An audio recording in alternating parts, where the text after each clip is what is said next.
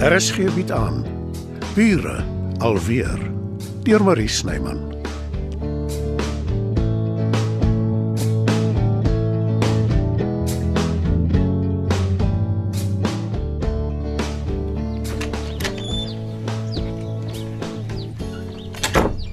Sonet, Al Albi, eh, wat maak jy hier?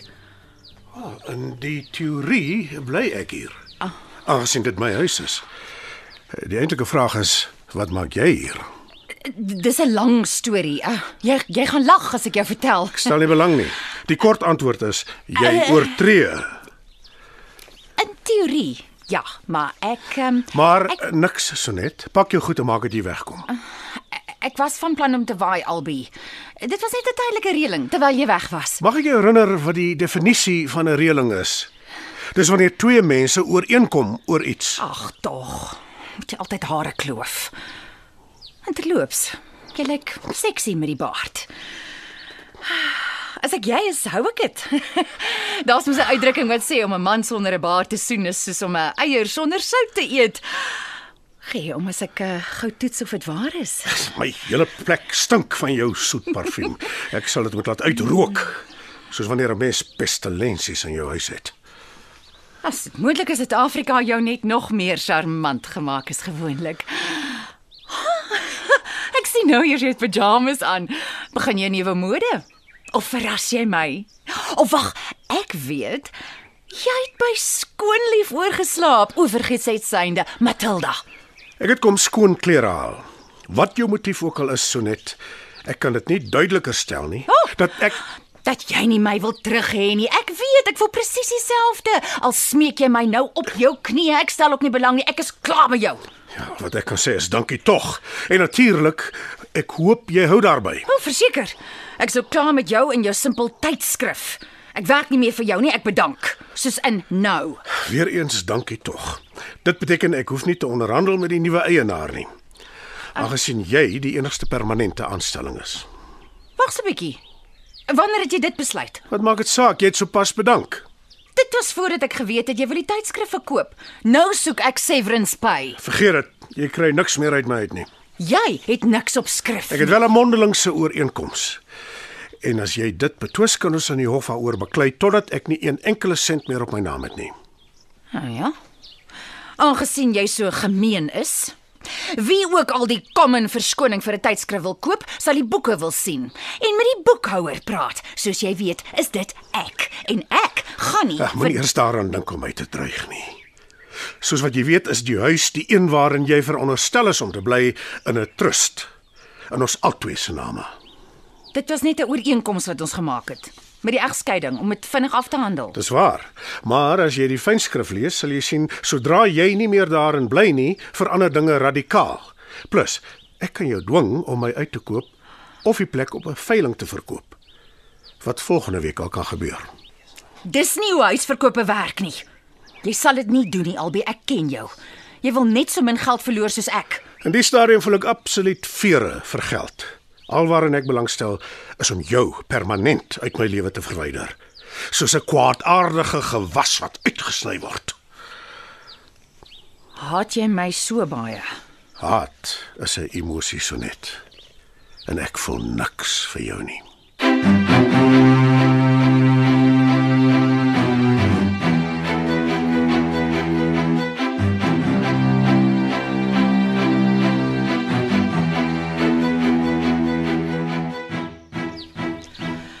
Dis 'n verrassing om jou hier te sien, Sonet. Werner het nie genoem dat jy 'n afspraak het nie. Dit het niks met werk te doen nie, Marlene. Ek is hier oor persoonlike redes. Ek luister. Ek het dringend blyplek nodig. Albie is terug en ek Ja, kan nie ja, lank ek weet. Wat van jou woonstel? Jy het mos een gehuur. met gaan 'n dag of wat vat. Sal 'n hotel nie beter wees nie. Nee, ek moet in die omgewing wees, groot asseblief. Moet of wil? Altwee. Enige spesifieke rede? Daar's 'n legio daarvan. Wil jy ek moet begin opnoem? Gee maar net die hoofrede. Albie. Hy is skielik soos een van daai Spaanse bulle wat 'n rooi lap gesien het. Hy soek bloed, my bloed. En ek kan nie bekostig om hom nou te ver onder my oë te laat uitgaan nie. As jy seker dis die hoofrede. Ek bedoel jy weet tog seker jy kan hom nie regtig beheer nie. Ek sal jou dubbel betaal wat jy vra. Dis nie nodig nie. Ek kry vir jou kamer reg. Baie baie dankie. Jy sal nie spyt wees nie. Ek hoop nie so nie.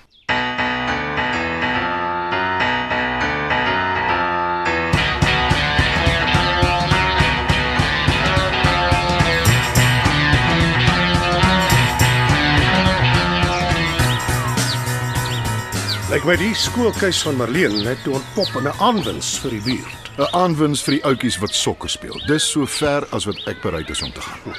Jy vergeet van sy vaardigheid agter 'n kamera.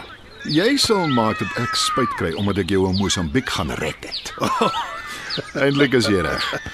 Hy maak sy merk. Ons genoeg vir eers ouens. Hulle vorder mooi. Ek is seker ek kan een van die dae span op die been bring. Om teen wie te speel? Wag, daai brug sal ek oorsteek wanneer ek by hom kom. Ek dink dit is 'n uitstekende idee. Suid-Afrikaners is sokkermal en ek ek weet ons burgemeester is een van hulle. Ek sal met hom daaroor gesels, blootstelling kry en uitvind teen wie hulle kan meeding. Fantasties. Baie dankie. Nee, nee, ek moet vir jou dankie sê. Toe ek die bane laat oprig het, ek het eerlikwaar nie gedink dit sou in so 'n kort ruk vlam vat nie. Ah, as ek geweet het hoe nodig julle my het, ek sou lankal uit bloemies verkas het hiernatoe. Verskoon my. Ek gaan gou 'n draai by die huis maak. Niks verkeerd met daai ego nie. Ek het al vergeet hoe sinies jy kan wees. Gee die duiwel wat hom toe kom, Werner. Die ouetjie sit nie net rond en niks doen nie. Hy word nie betaal om die kinders af te rig nie. Ek dink is prysenswaardig. Ja, seker. Sorg jy maar net dat jy hom nie verjaag uit ons buurt nie. Hy's beslis 'n aanwins. Hy het hom ingegrawe. Dis al wat ek bereid is om te erken.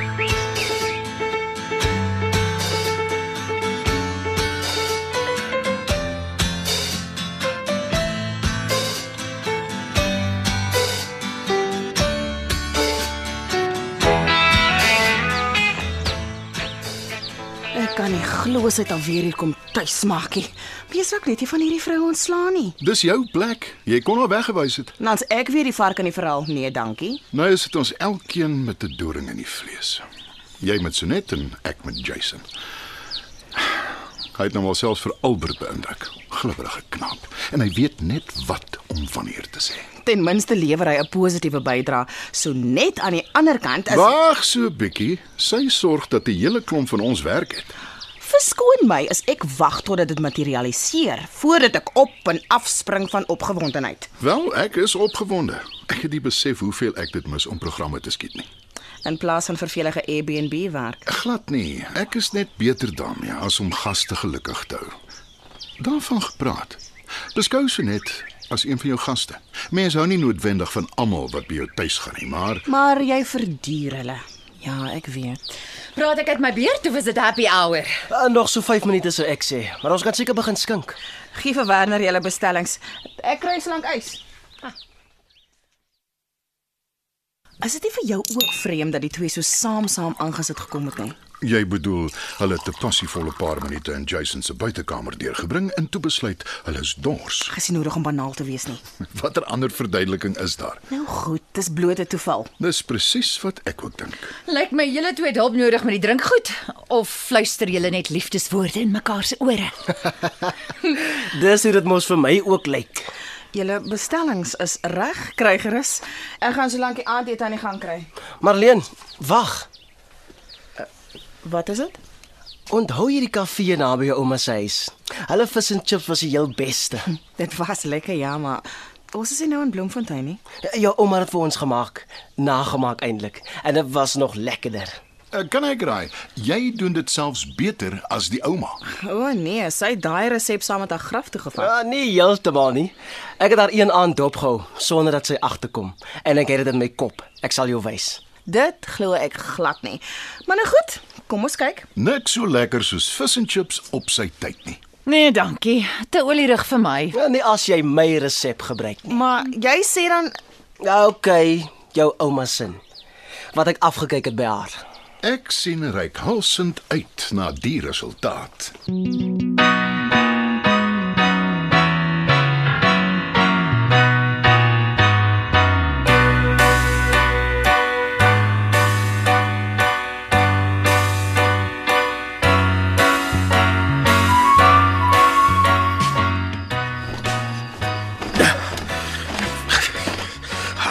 kleef van alles. As dit nie die munisipale regulasies was nie, het ek nou die hele lot aan die brand gesteek. Ek sal maar die tweede beste ding doen en dit in die asblik smyt. Maar ek sal natuurlik die volwasse ding doen en dit na 'n wassery toe vat. Afga. Ja, ja, dis reg. Dit is nog 'n vinnige reaksie. Ek het dit pas geadverteer.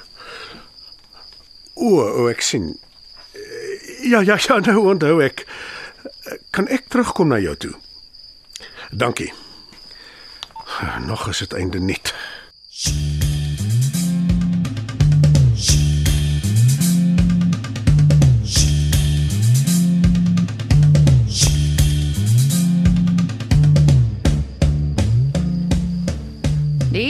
Vat nogal lank om die merkwaardige vis en chips te maak. Jason het oor die muur gespring en dit by die kafee op die hoek gaan koop. Dit sal my nie verbaas nie. En toe? Wat dink jy van die chips? Dit ruik heerlik. Ek sal een moet proe. Ooh. Mm. Mm. Jason. Terug in my ouma se kombuis. Ek trek alles terug wat ek gesê het. As so net of Werner jou ooit ver kom werk jy vir my. Ek kan nie wag om te hoor wat die ander sê nie. Jy bedoel jy wil gaan spog. Wat kan ek sê? Ek is nie 'n vis en chips aanhanger nie, maar die is tops. As hulle jou wegjaag, Jason, kom trek jy by my in en jy maak vir my kos. Daar oh, twee aanbiedinge in een aand. Nee, maar ek wil dit hê.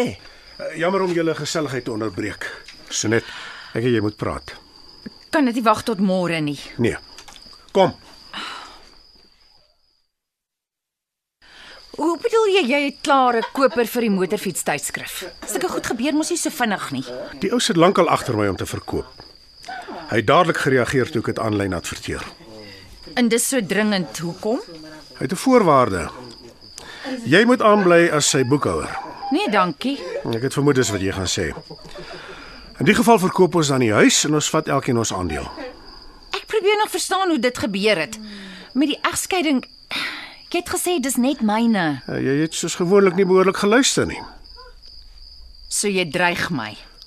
Noem dit net wat jy wil. Jy het 24 uur om te besluit.